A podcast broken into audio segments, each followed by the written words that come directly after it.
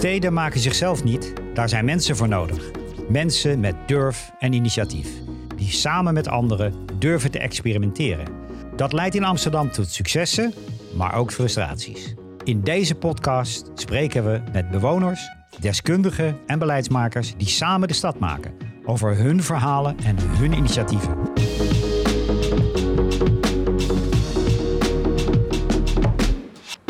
Dit is Hier gebeurt het. Mijn naam is Fred Schorrel.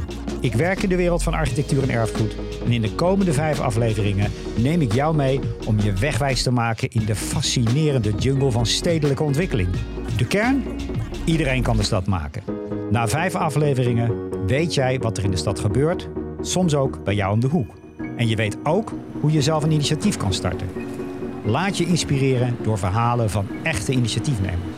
En wil je zelf iets veranderen? Doe mee. Kan gewoon. In deze eerste aflevering staan de schijnwerpers op Buiksloterham, een wijk in Amsterdam-Noord. In dit industriegebied gist en borrelt het van de experimenten en initiatieven, nadat burgers en buitenlui het voortouw pakten. Om te wonen en werken. Hoe doe je dit? Zijn dit uitzonderingen? Is dit voor de happy few? Bij mij aan tafel drie mensen met ervaring, deskundigheid en passie, die samen werkten aan deze wijk. Marjan de Blok, die een ideaal had en daar tien jaar lang aan moest sleuren. Schoon schip. Ook met Tjeerd Hakau van architectenbureau Space Matter, die zijn hele hebben en houden in Buiksloterham stopte en zelf met zijn bureau meewerkte aan een ander icoon, de Keuvel. En met betrokken Paco Bunnik, stedenbouwkundige bij de gemeente Amsterdam, die zag dat het goed was. Tjeerd, eh, vertel eens over dit gebied, uh, Buiksloterham. Vervuilde zooi, chaos. Wat, wat, wat zagen jullie daar? Uh, hoe haal je het in je hoofd om juist daar te beginnen met zoiets? Nou, ik fietste er uh, ook doorheen. We hadden namelijk toen wij begonnen, twaalf jaar geleden, een kantoor op de NDSM-werf. En als ik dan de pont miste naar het station, moest ik s'avonds door de Buiksloterham naar de pont bij Centraal fietsen. En toen reed ik er doorheen en ik dacht, wat een uh, bende is dit. Uh, allemaal ja, een beetje Agenebbes industrietrein, dus ik zag er helemaal niks in. Maar op een, op een avond reed ik er langs en toen zag ik opeens een groot bord in de, ja, in, bij de entree van de wijk staan. En daar stond op bouw je eigen huis in de Buiksloterham. Toen dacht ik, wie gaat dat nou doen? Een eigen huis bouwen in de Buiksloterham. Nou, even fast forward, want nu woon ik er zelf dus met mijn eigen huis wat ik daar Precies, heb gebouwd. Ja. Dus er is heel wat uh, veranderd sinds die eerste kennismaking. En um, dat kwam eigenlijk doordat er dus uh, ook vanuit de gemeente uh, nou ja, een, een nieuwe manier van ontwikkelen werd eh, onderzocht of dat zou lukken. Hè. Dit was eh, echt crisistijd, dus ja. niks kwam van de grond. Want we spreken over welk jaar dat jij daar fietste? Dit was uh, denk ik zo'n 2011, 12, ja. 13, daar ja. een beetje die, die... Een oude zooi in crisistijd. Daar fiets je doorheen en dan denk je, hier gaan we wat doen. Ja, precies. Maar het mooie is dan, als het crisistijd is, dan is grond weinig waard. En dan is het opeens mogelijk om voor gewone mensen zoals ik... en initiatieven waar we het zo over gaan hebben... Ja uh, ja, toch een soort van plekje te bemachtigen. En uh, daarmee, daarmee uh, start het. Ja.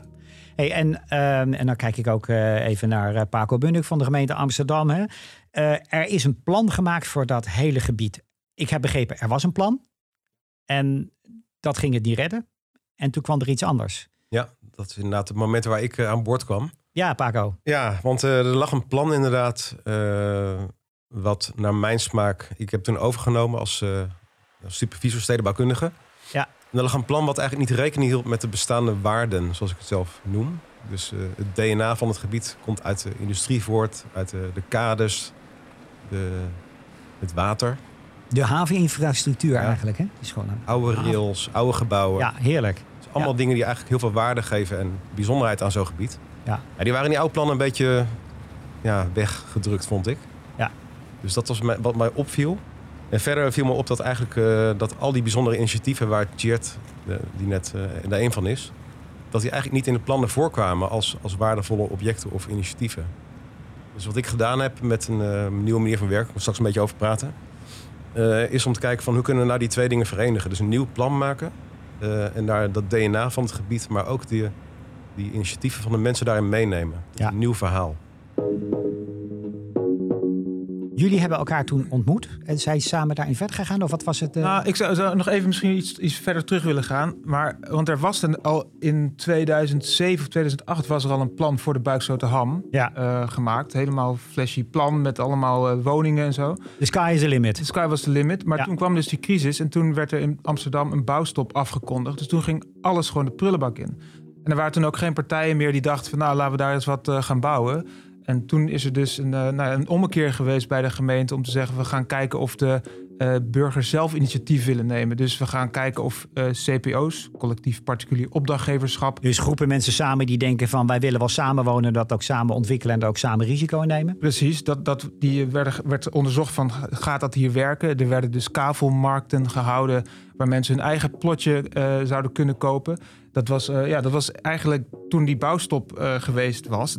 dit was de volgende stap. Ja. Rustig weer opbouwen. Ja, oké. Oude plan geen niet meer. Oude tijd. Crisis komt er overheen. Nieuw plan. Wat, wat is de essentie van dat nieuwe plan dan geweest? Waarom, wat was daar de, het kenmerk van? De, het nieuwe plan is een hele tijd daar niet geweest. Nee, dus er was, na die bouwstop niks. Alleen maar uh, lukraak initiatieven. Ja. Oh, leuk daar uh, kaveltjes voor bewoners. Oh, leuk daar een, uh, een keuvel, een gekke broedplaats. En hier een restaurantje. En zo ging dat een hele tijd door. Ja. En op een gegeven moment dacht de gemeente ook van ja, hier moet. En, en ook de burgers, hè, want die zag, zagen van. Daar mag opeens iemand veel meer en veel hoger bouwen dan in het bestemmingsplan staat. Ho, oh dat willen we niet hebben. En nou, dat werd dan gedoogd. Dus daar, daar, daar ging allemaal, werd allemaal moeilijk. Dus er, er was gewoon uh, de behoefte aan een helder plan. Juist. Dus dat is de basis ook geweest om, om zeg maar dit gebied eigenlijk op een andere manier omhoog te trekken. Paco, ja. dat nieuwe plan, wanneer was dat er? En wat is het kenmerk van dat nieuwe plan eigenlijk geweest? Nou, het, eind 2018 zijn we begonnen. Ja. We moesten heel snel werken. We moesten in een half jaar tijd een plan maken. Nou, dat is een heel groot gebied. Er gaan nu ongeveer 8000 woningen bij komen. Het, uh, dus normaal doe je daar langer over, over zo'n plan. Doe je, doe je minimaal een jaar over. Dus die, die snelheid uh, die noodzaakte ons om, uh, om heel erg echt te denken, na te denken... hoe gaan we nou zoiets aanpakken? Nou, ik heb toen eigenlijk bedacht om uh, als soort regisseur te werk te gaan... in plaats van als ontwerper. Dus ik heb met ons eigen stedenbouwkundig team... samen met vijf bureaus, waar het bureau van Tjerta één van was... vier architectenbureaus en een landschapsarchitect... hebben in een serie van ateliers... hebben we eigenlijk samengewerkt om ik noem het even research by design. Door steeds te ontwerpen op bepaalde thema's. Uh, elke week gewoon uh, samen maquetten te bouwen en langzaam zo aan een plan te werken. Dat was een hele leuke manier van, van samenwerken. En waren daar de, de mensen uit dat gebied al bij betrokken? Of was dat. Uh, ja, okay. het was ook, een leuk aspect ervan, want dit is een beetje het professionele deel. Maar we moeten ook, ja, je, je, moet ook participatie, je moet met de omgeving praten. Uh, met name op de groenvisie. Dus uh, de bewoners zijn heel kritisch daar. En die willen, willen ook gewoon ja, echt be bewezen zien dat er genoeg groen uh, en kwaliteit in, in die plannen kwam. Dus wij hebben dat, dat spel of dat gesprek met, die, met alle bewoners... hebben we eigenlijk meegenomen in het traject. Ja, okay. wij, hebben ook, wij hebben eigenlijk openheid gegeven in de plannen van... nou, dit zijn we aan het doen. En die konden, ja, er kon over meegepraat worden professionals, burgers erbij, betrokkenen erbij uit het gebied. We tekenen 2018. Zaten daar toen ook al opdrachtgevers bij? Of waren die bewoners de opdrachtgevers? Nee, er zaten geen opdrachtgevers bij nog. Nee. nee. Die zijn er later bij gekomen? Nog niet. Nee. nee. Want die, uh, die moeten nog komen. Want een gedeelte moet dus nog gebouwd en gemaakt worden. Hè? Ook ja. voor de mensen die dit horen, die denken van... Uh, nee, die wijk moet nog gemaakt worden. Maar het plan ligt er. En dat, wat is nou de voornaamste kwaliteit van dit plan? Tjeerd? Als jij naar dit plan kijkt, wat, wat vind jij nou het unieke en waardoor dit eigenlijk een soort springplank is voor initiatieven van burgers? Want we hebben het over hier gebeurt het. Waarom kon het daar dan gebeuren op basis? Waarom kan het daar gaan gebeuren op basis van dit plan? Nou, het, het mooie van het plan is dat het niet een, een eh, heel strak kader uh, is, maar het, zijn, is een soort van spelregelkaart. Dus wat het plan wilde doen, is uh, mensen die daar initiatief nemen ook motiveren om op een circulaire manier te bouwen. Dus uh, dat je nadenkt over hoe je met je energie omgaat, dat je uh, gewoon een duurzame project maakt. En de gedachte was dat je dus van het bestaande bestemmingsplan, het bestaande, of ja, bestaande bestemmingsplan mag afwijken, mits je aan die nieuwe spelregels voldoet. En ja, dat moet dan stimuleren. En bovendien, en dat vind ik nog het mooiste, was er in het plan wel echt rekening gehouden met initiatieven. Dus dat er niet alleen maar uh, commerciële woningbouw gepleegd wordt, Maar dat daar naast die commerciële woningbouw ook andere plekjes gereserveerd worden waar initiatief kan ontstaan en experiment, geëxperimenteerd kan worden. Ruimte geven aan experimenten. Dat, dat, is, dat zit in dit plan en dat zou dit plan ook moeten kenmerken. En hebben jullie het gevoel dat dat ook gaat gebeuren nou de komende tijd? Of gebeurt het al? Nou, ik hoop het wel. Ik heb al, uh, alweer een heel aantal initiatieven uh, op de plank liggen. die graag uh, willen landen in het gebied. Dus, ja, noem er eens één. Nou, we zijn bezig met de Urban Tree Village, heet dat. Dat is een ontzettend ambitieus plan om een houten toren te maken voor 200 huishoudens. Die niet alleen super duurzaam is, maar ook hun eigen voedsel produceert. En ja, daar zoeken we nog een plekje voor. Ja, ambitieus. Oké, en jij, uh, Paco, als jij, uh, wat, wat is wat jou betreft een kansrijk plan voor dit gebied waarvan je denkt dat moet er komen? Nou, ik wil even een stapje terug, want ik denk eigenlijk dat wat spannend is, is dat de gemeente heeft normaal zo'n top-down manier van werken. Dus je maakt plannen, er komen ontwikkelaars, hè, er worden woningen gebouwd en er komt een koper in beeld. Maar hier is het echt anders. Dus hier komen echt mensen in een veel vroeger stadium in, in zo'n spel en gaan ze kijken van, nou, kan ik meedoen aan zo'n project? Dus ik, ik wil eigenlijk kijken van hoe kan, een, hoe kan dat nou behouden blijven in die, in die grote stroom van nieuwe plannen die gaat komen. Ja, en hoe voorkom je nou dat als er straks plannen zijn, uh, of initiatieven zijn en dat daar ook opdrachtgevers en ontwikkelaars bij komen, dat het dan mail in de mond wordt, uh, dat de plannen inzakken, dat er andere uh, belangen een rol gaan spelen? Zijn daar garanties voor in zo'n plan, zoals in Buiksloterham nu? Uh... Ja, ik denk dat het goede van een plan is dat je gewoon, uh, je hebt, we noemen dat guiding, leidende principes, guiding principles. Ja. En daar moet je eigenlijk altijd op terug kunnen grijpen. Oké, okay. maar je principes wordt niet afgeweken? Nee, wat mij betreft niet. Nee. nee. Nou, noemde jij net al, um, uh, van initiatieven en ik zie allerlei dingen die kunnen gaan gebeuren, maar er is wel het een en ander al in het gebied gebeurd. Uh, en er zijn al initiatieven geweest. En dat is eigenlijk een heel belangrijke leerschool voor hoe we verder kunnen. Hè? Als je zegt, hier gebeurt het. Hier is het ook gebeurd. En uh, je zou kunnen zeggen, hier gebeurt het nog steeds. En daar zijn twee mo mooie voorbeelden van die we nu willen bespreken. En dan kijk ik naar Marjan, die hier naast me Marjan de Blok. Een van de initiatiefnemers van Schoon Schip. Schoon Schip is een hoe ontstond dit initiatief bij jou, Marjan? Hoe, hoe ben je erop gekomen? Waar komt het vandaan?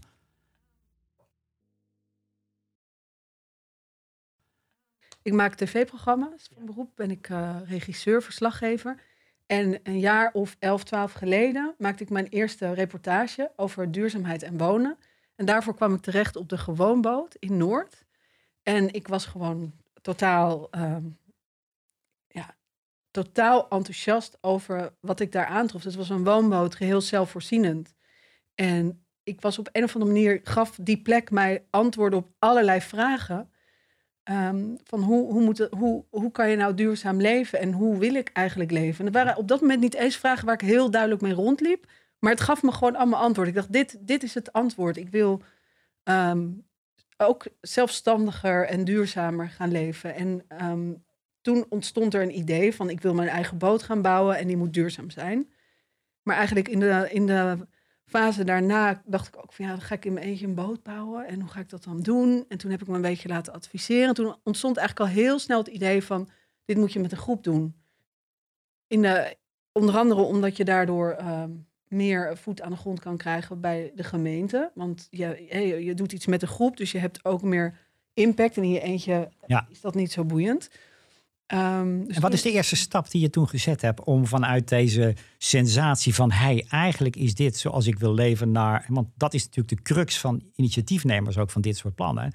Dat je dan niet daarin blijft, in die gedachte, maar dat je een stap zet, eh, echt een initiatief neemt naar iets wat moet gaan gebeuren. Wat, wat, wat is die eerste stap geweest? Kan je dat nog herinneren? Ja, heel goed. Uh, diezelfde avond nadat ik dat filmpje had gemaakt op die boot, um, had ik bij twee vrienden en ik vertelde mijn inzicht. Ik wil zo leven en dat wil ik met een groep doen. En ik kreeg zo, zo'n positieve reactie van, dit was Thomas, uh, Thomas en Daphne, twee goede vrienden van mij. En Thomas is daar meteen die avond ook mede-initiator geworden. Dus wat mijn eerste stap was eigenlijk, was dat ik erover ging praten. Ja. En dat ik positieve feedback kreeg. En waardoor mijn plan geloofwaardiger werd, ook voor mijzelf. Want het is nogal een groot plan. Het was een heel groot plan wat ik had. En, en omschrijf, is dat dat plan wat je had, hè, wat zich natuurlijk steeds meer ontwikkelde, was dat van ik wil, hoe, hoe wil ik duurzaam leven? Of had je daar echt al een beeld bij hoe dat zou moeten zijn, hoe dat eruit zou moeten zien? Wat, wat was dat, eh, dat plan waar het mee begon, de kiemcel eigenlijk van jou, uh, jouw idee?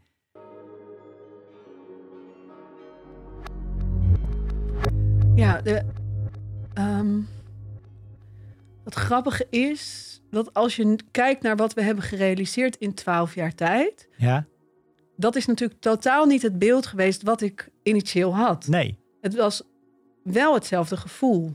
En wel dezelfde uh, behoeftes. De behoeftes die nu vervuld worden. Die, dat was wat ik toen voelde. Van ik wil dit. Maar dat ik met 46 fantastische huishoudens een, een prachtige woonwijk zou delen met een gedeelde steiger en de meest duurzaam uh, drijvende woonwijk van Europa zou realiseren. Dat was, dat was helemaal niet aan de orde. Wat aan de orde was, was dat ik verandering wilde. En ehm,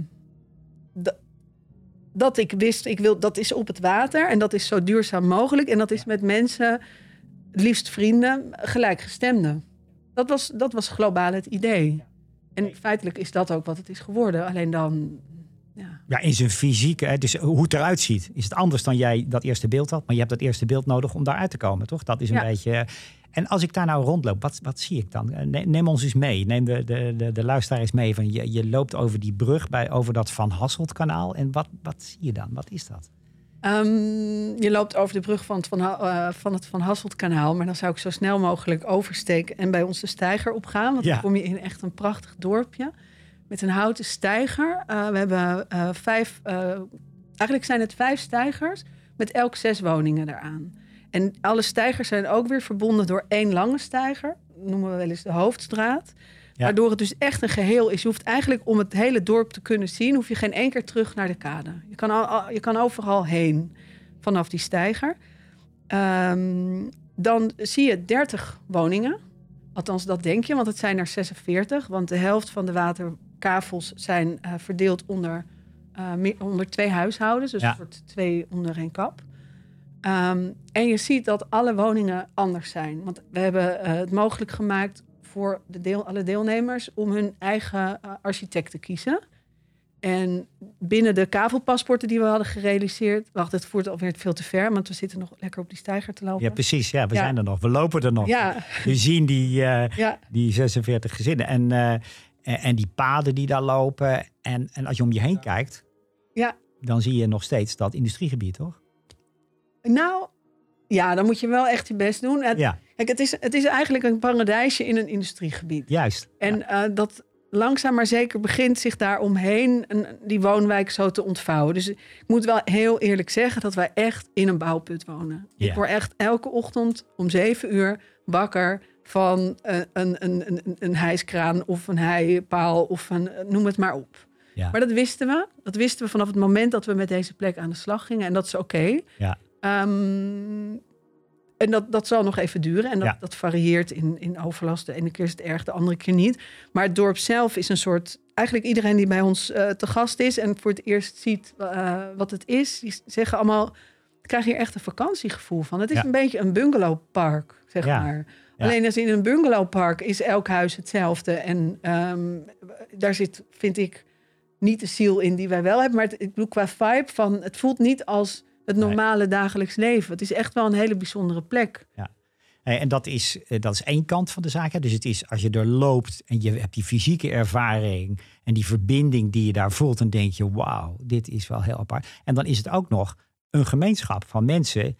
Uh, en dat lijkt me ook uh, heel, heel bijzonder aan dit uh, project. Dat dat gelukt is om die gemeenschap bij elkaar te krijgen. En kun je iets vertellen over hoe die gemeenschap met elkaar leeft nu? Ja, Zeker. Ik moet even één ding, want ik zeg bungalowpark, maar ik wilde meteen even naar Cheert kijken, want het is natuurlijk... Wat? Het is, nee, nee, ik bedoel qua...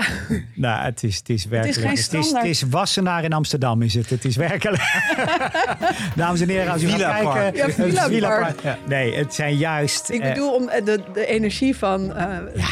Je wordt er ontspannen. Je komt aan, je denkt hé, hey, ik heb vakantie. Ja, maar dat is natuurlijk ook jouw, jij zegt ook net, de ziel van het geheel. Hè? Ja. Dus dat voel je. Die ziel is voor jou ontspanning, relax. En ja. dat is jouw associatie met bungalow ongetwijfeld. En je hoopt dat mensen dat ook uh, daar op die plek uh, hebben. Maar vertel eens over die groep, over die mensen die daar, uh, die community, hoe werkt dat?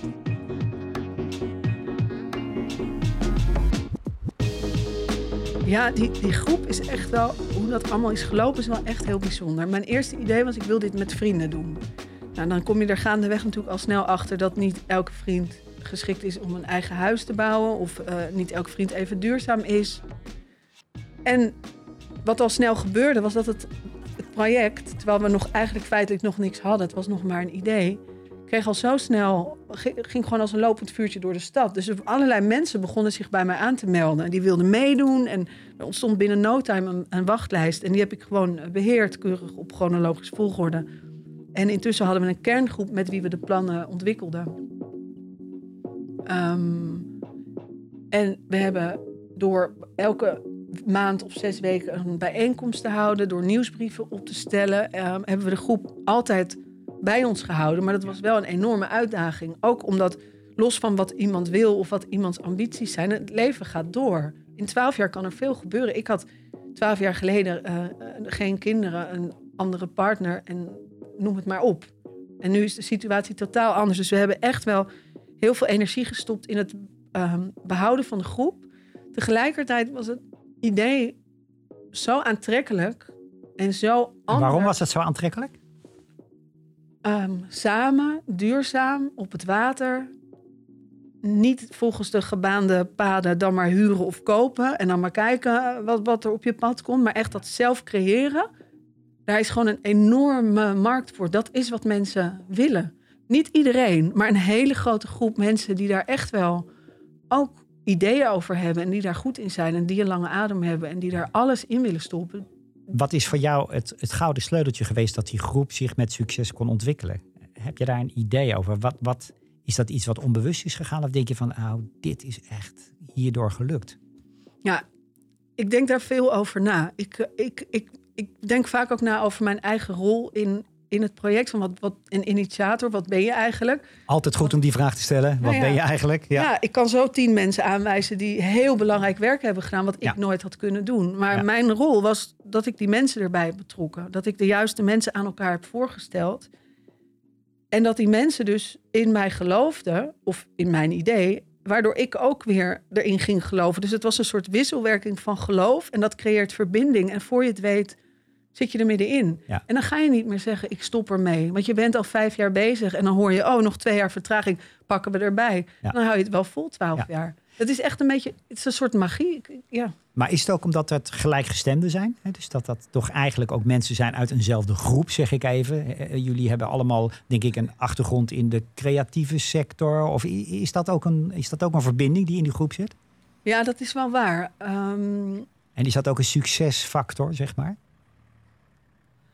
Dat vraag ik me af. Ik, ik vind dat als je dat echt als een succesfactor bestempelt, dat je daarmee andere mogelijkheden al snel afschrijft. Ja. Want ik denk, een groep hoeft niet uit, uit tien kapiteins te bestaan. Je kan ook, en dat hebben wij ook gezien, sommigen deden heel veel, of misschien wel alles, en anderen deden niks. En sommige mensen zaten erbij omdat ze graag hun eigen huis wilden bouwen, anderen omdat ze echt duurzamer wilden leven, en weer anderen voor het sociale aspect.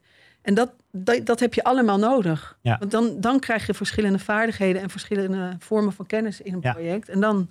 Maar ik denk ook dat het heel belangrijk is om dan te kijken van hoe kun je zo'n community, want dat is dan ook divers houden hè? en inclusief. Dat het niet alleen maar voor een bepaald soort mensen is die allemaal gelijk gestemd is. En ik denk dat het ook veel meer gaan, gaan moet om gedeelde waarden of een gedeelde visie of ambitie. Dat, je, dat dat kan mensen ook met elkaar verbinden. En dan hoef je helemaal niet dezelfde sociaal-culturele achtergrond te hebben. Om toch uh, met elkaar iets uh, te voelen. Ja, maar heb je dan dus dit is even het punt van het collectief. Het collectief is succesvol. Waarom is het collectief succesvol? Jij geeft aan. Het zit ook in het proces, om dat moeilijke woord, woord maar eens te gebruiken, doordat je het stapsgewijs doet en eigenlijk gelijkgestemde uh, vindt. Maar is het dan toch niet uiteindelijk, zoals je er nu zit, toch iets van de happy few? Of is dat niet zo? Nou, ik vind het wel aardig om, om dat dat zo gezien wordt. Hè? Want als je daar naartoe gaat, dan zie je, wow, iedereen woont in een villa, in een uh, fantastische plek. Uh, Die mensen die moeten miljoenen hebben. Maar dat is helemaal niet zo. Het, het, zijn al, juist omdat je het zelf bouwt en iedereen heeft het zelf gebouwd. Ja, ik denk dat een woning echt. je betaalt gewoon de kostprijs. Je bent zelf de projectontwikkelaar eigenlijk. Ja. Dus het is helemaal niet dat het een hele hoge instap in geld is geweest. Wel een hele hoge instap in tijdsinvestering en energie die je erin moet stoppen. Ja, en dat is ook een, een denk ik een mooi bruggetje, Marjan, ook naar hoe het gelukt is. Want het lukt niet alleen op mensen en op een gevoel van verbondenheid, maar ook omdat je het regelt. Hè? Dus ook heel praktisch regelt, financieel regelt, technisch regelt. Als we even naar die, die stap maken naar die financiën, want uh, dat, dat geef je ook aan. Hoe hebben jullie dit financieel kunnen regelen met elkaar? Want eh, mensen die luisteren, die denken, ja, ik wil het ook wel, maar hoe gaat me dat lukken? Ja. Ook, ook voor het financiële stuk geldt dat we daar ook ingegroeid zijn. Hè? In, toen wij berekeningen maakten, dat was nog in de tijd van de crisis. En, ja. Uh, toen zag het er allemaal heel anders uit.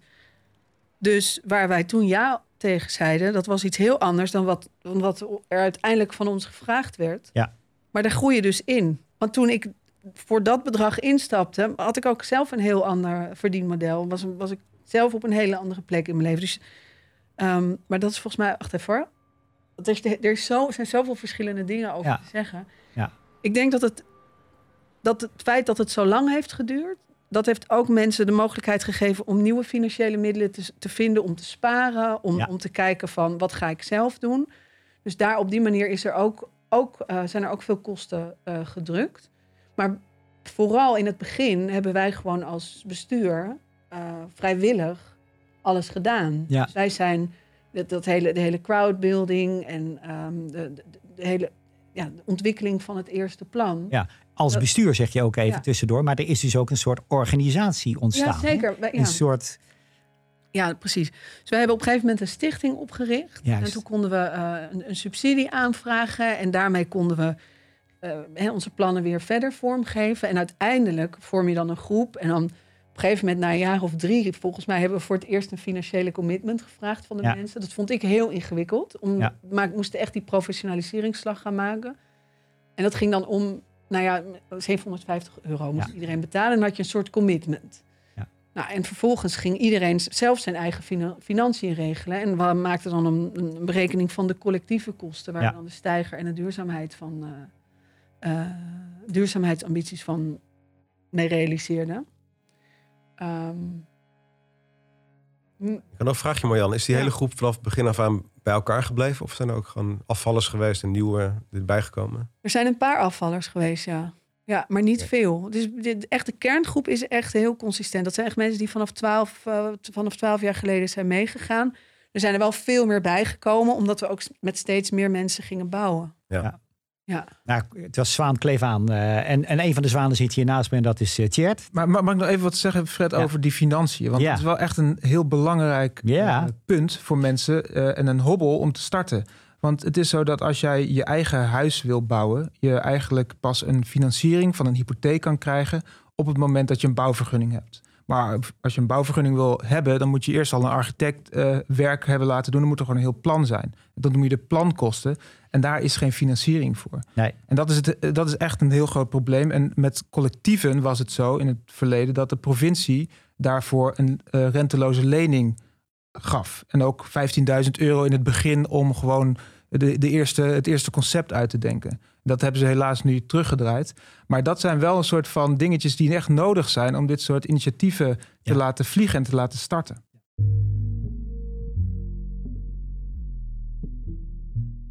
Nou, dat is duidelijk. Dus je hebt eigenlijk die seed money, hè, dus dat, dat saaie geld heb je nodig om het überhaupt van de grond te kunnen trekken. Een belangrijk eh, punt.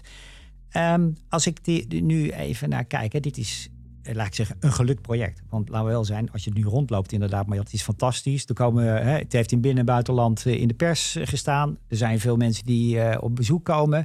En jij zei mij al van, er is dan veel aandacht ook voor de smart grid en alle techniek die erbij zit. Hè? Eh, kun je daar een heel klein tipje van de sluier wat daar dan wat daar zo bijzonder aan is aan dat smart grid? Ja, eh, ja, we hebben een aantal pilotprojecten. Een van onze projecten is het Smart Grid. Dus we Ja. alle huizen zijn voorzien van zonnepanelen, hebben een batterij in de kelder. Zijn allemaal met elkaar verbonden, alle woningen. Dus we kunnen ook eh, energie uitwisselen Ja. en opslaan in de batterij tijdelijk. En dat is iets wat heel bijzonder is. En wat, dat, wat we ook steeds groter nu proberen uit te rollen, landelijk. Um, dat is een onderdeel. Wij hebben uh, zoveel mogelijk gebouwd met duurzame materialen natuurlijk. Ja. We hebben een, uh, een pilotproject met vacuumtoiletten. Waternet die neemt ons zwarte water af en zet dat om in uh, grondstoffen en energie. Interessant is dat ik hoorde dat je als je s'avonds na tien het toilet doortrekt... dat je dan een enorm geluid hoort. Klopt dat? en nee, niet s'avonds na tien, dat is altijd. Altijd? Je hoort, ah, kijk. Ik denk dat, nee, ja, ik denk dus dat je, je bent altijd wakker als je naar het toilet bent geweest. ja. Ik denk dat het, uh, het, het, gerucht is, wat, wat jij hebt opgevangen, dat uh, sommige buren hebben afgesproken om na tien hun toilet niet meer door te trekken. Kijk, ja. Dat het veel lawaai maakt. Dat hoort bij de gemeenschap. Zeg. Maar ja, dat, dat doe je dus. Ja, ja. Nee, dat is, nee, maar dat is ook zo mooi. Dat geeft zo'n, uh, ook voor, voor de luisteraar zo'n heel praktisch beeld. Hè, van het is niet alleen, het is absoluut geen, geen, geen paradijs. Het is ook heel praktisch. En het het moet ook met elkaar werken. En dan heb je gewoon afspraken met elkaar. Oh, tot aan het hoe laat trek ik mijn toilet door toe. We hebben heel veel met elkaar te maken. Maar eh, toch even ook voor jullie allebei. Hè? Want zou dit, hè, als je nu even deze dingen optellen, een, een, gemeenschap, eh, je hebt wat steun nodig, er is een bijzondere financiële constructie. Zou dit in deze tijd ook kunnen? Waarin de, zou dit nu weer kunnen gebeuren? Of is het nu, zijn de voorwaarden anders? We zitten niet meer in een crisis zoals we in tien jaar geleden, eh, tien jaar geleden zaten. Zou dit nu weer kunnen? Ja, absoluut. En het, het gebeurt gelukkig ook nog. Uh, genoeg. Kijk, dat wilden we horen. Het gebeurt. ja. Hier gebeurt het. Uh, Juist. Ook in Amsterdam. Nee, want de gemeente heeft gewoon wel een uh, kavelmarkt ieder jaar... waarin zij kavels uitgeven voor collectieve uh, ja. woningbouwprojecten. En daar nou, worden dit soort groepen ook ja, gestimuleerd om zo'n kavel te, te nemen. En, en even jullie allebei maakt die collectieve stedenbouw, want dat is dit, hè? dit is collectieve stedenbouw, maakt dat de stad nou gelukkiger? Want uiteindelijk gaat het om, ik zeg dan dat het gebouwd geluk, maar denk je dat het de stad gelukkiger maakt als we dit meer gaan doen op deze manier? Marjan? Ja, daar ben ik echt van overtuigd.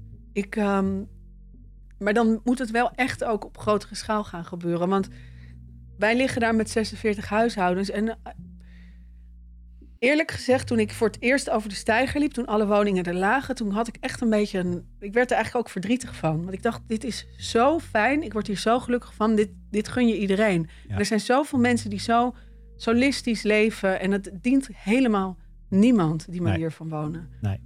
Ik vind het echt een, um, echt een must dat, dat dit meer gebeurt. Dit moet meer gebeuren. En dan, laat ik zeggen, jullie, hè, dus met, met, met schoon schip hebben laten zien dat het kan. Uh, en dat dit kan, ik zou bijna zeggen, niet alleen uh, als uh, paradijs, maar ook voor de eeuwigheid. Hè, want dit, blijft, dit, dit is blijvend. Even een stapje naar een ander initiatief, de Keuvel. dat ligt daar op een, heet het, een ja, kleine afstand daar vandaan. Een boogschoots, wou ik zeggen. dat is een steenworp afstand in gewoon Nederlands. Um, Tjeerd, daar is eerder tijdelijkheid het avontuur wat uh, speelt. Met eenzelfde achtergrond van duurzaamheid en community. Uh, wat is de keuvel voor mensen die daar nog niet geweest zijn?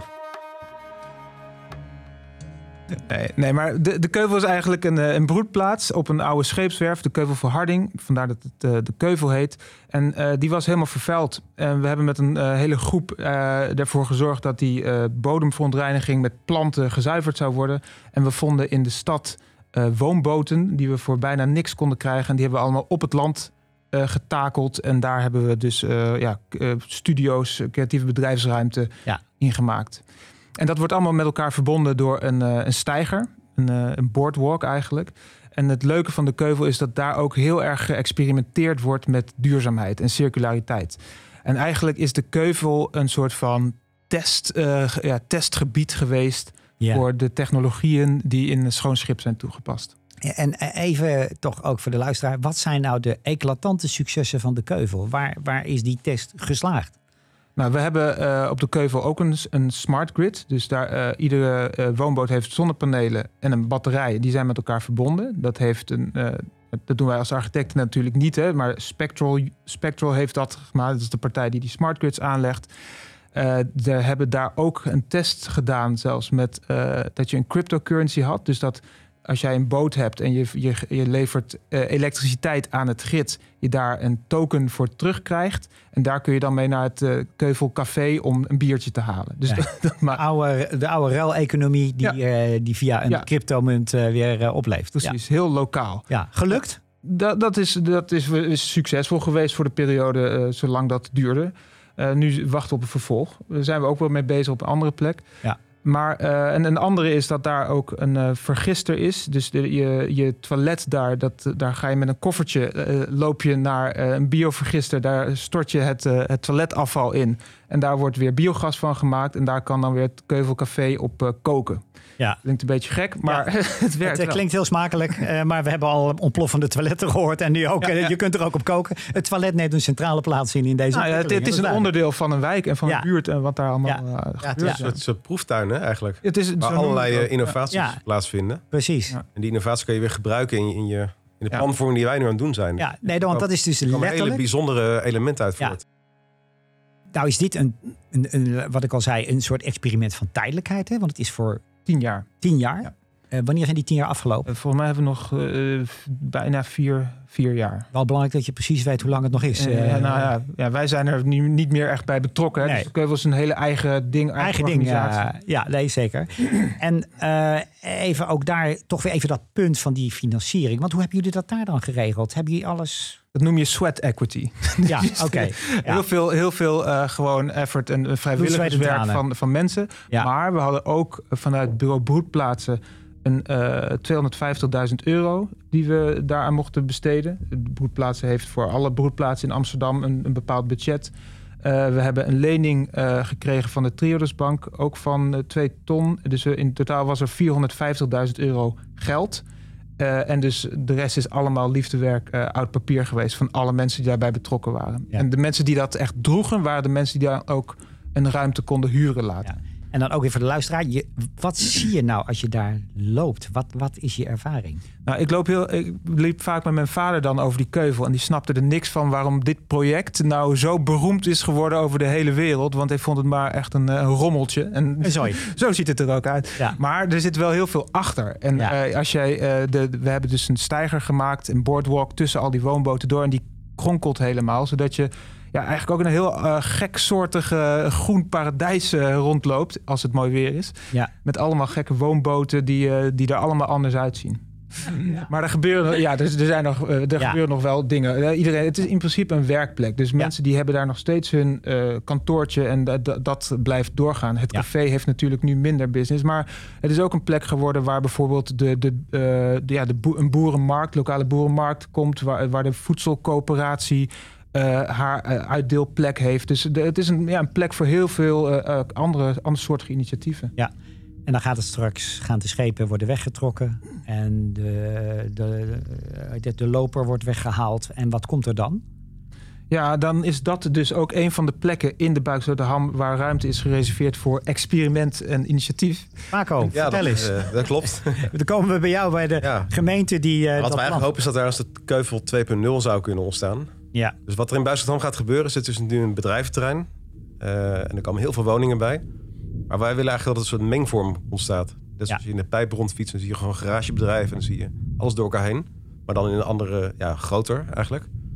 Dus dat, die, dat mengen van uh, die functies in de stad, dat willen we eigenlijk behouden. Ja. Dus ja, dat zit in de keuvel nu. En dat willen we ook meenemen in dat nieuwe plan.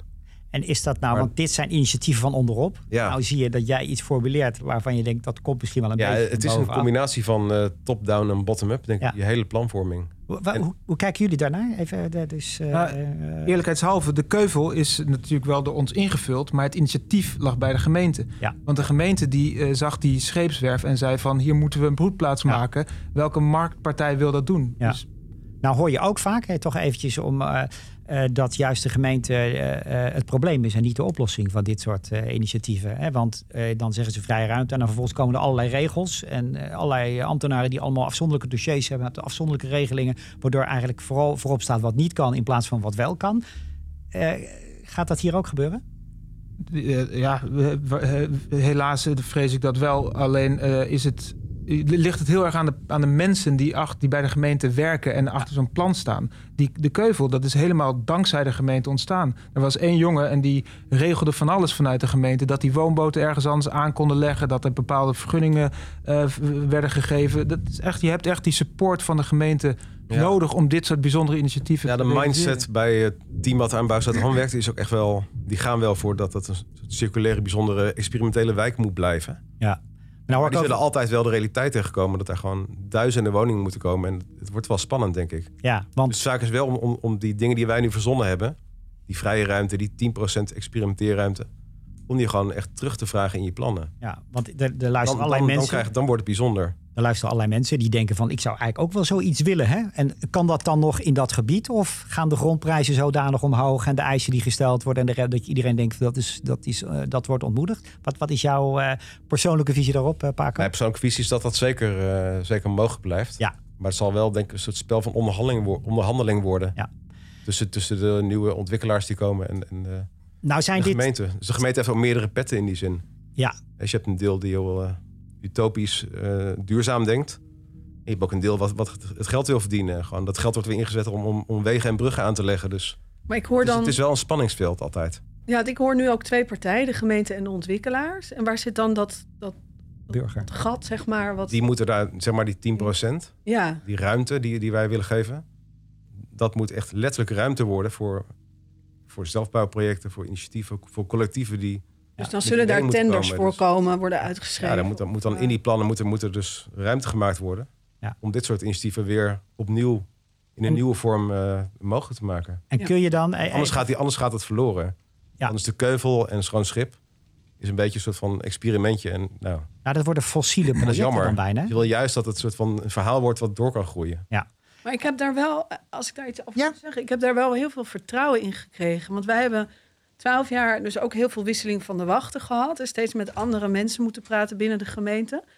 En toch elke keer weer gingen er deurtjes open. En ik heb gewoon heel erg gemerkt dat de gemeente zelf worstelde met de regels waar zij zich aan moesten houden. En dat was helemaal niet altijd ja. per se omdat ze dat graag wilden of omdat ze het nut nog van die regels zagen. Maar je krijgt gewoon een, een rechtszaak aan je broek als je, als je kan beticht worden van uh, ja. vriendjespolitiek of iets. En dat heeft ons wij hebben echt best wel heel veel problemen gehad door al die regels. Maar ik heb nooit het gevoel gehad dat ons die regels werden voorgehouden omdat uit een soort starheid. Dat is gewoon, zijn dan gewoon de heilige huisjes van vroeger. En die moeten langzaam maar zeker afgebroken worden of opnieuw opgebouwd. Ja. Maar volgens mij zitten we daar wel middenin. Ja, absoluut. Nou. Echt een cultuur van werken die aan het veranderen is.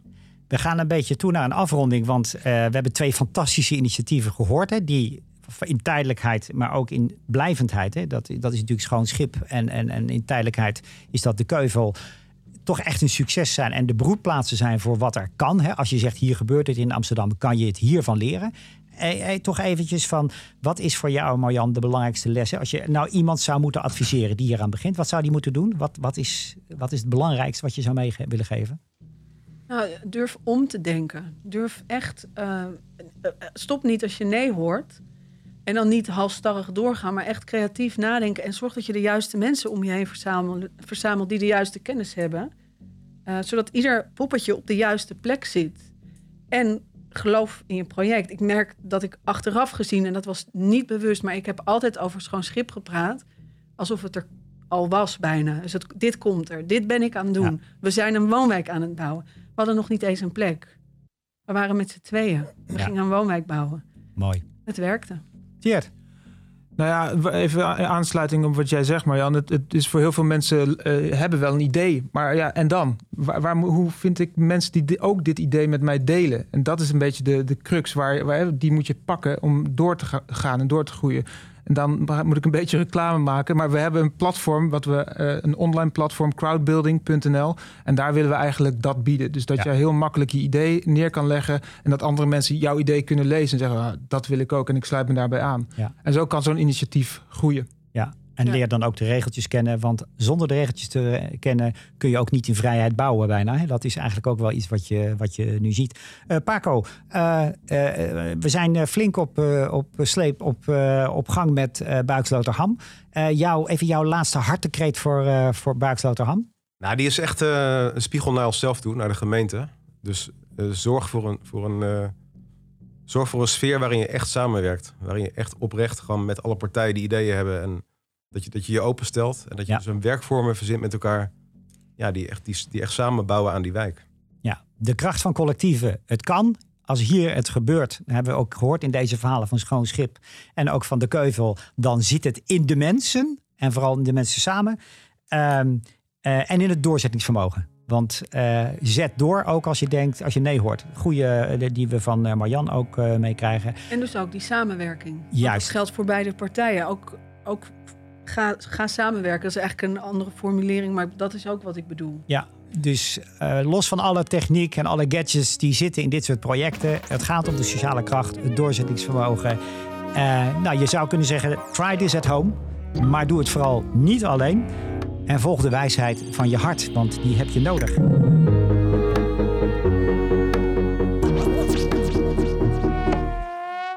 Dit was de eerste aflevering van Hier gebeurt het. De podcast waarin we in gesprek gaan met mensen die zelf de stad maken. In de volgende aflevering gaan we het hebben over erfgoed. Abonneer je vooral op deze show via iTunes en Spotify of jouw favoriete podcast-app, zodat je geen aflevering mist. Heb je nog niet genoeg aan deze podcast? Dan heb ik goed nieuws. Wanneer de musea weer open mogen, opent ook de tentoonstelling Hier gebeurt het in de Amstelkerk. Je bent van harte welkom. Tot Hier gebeurt het.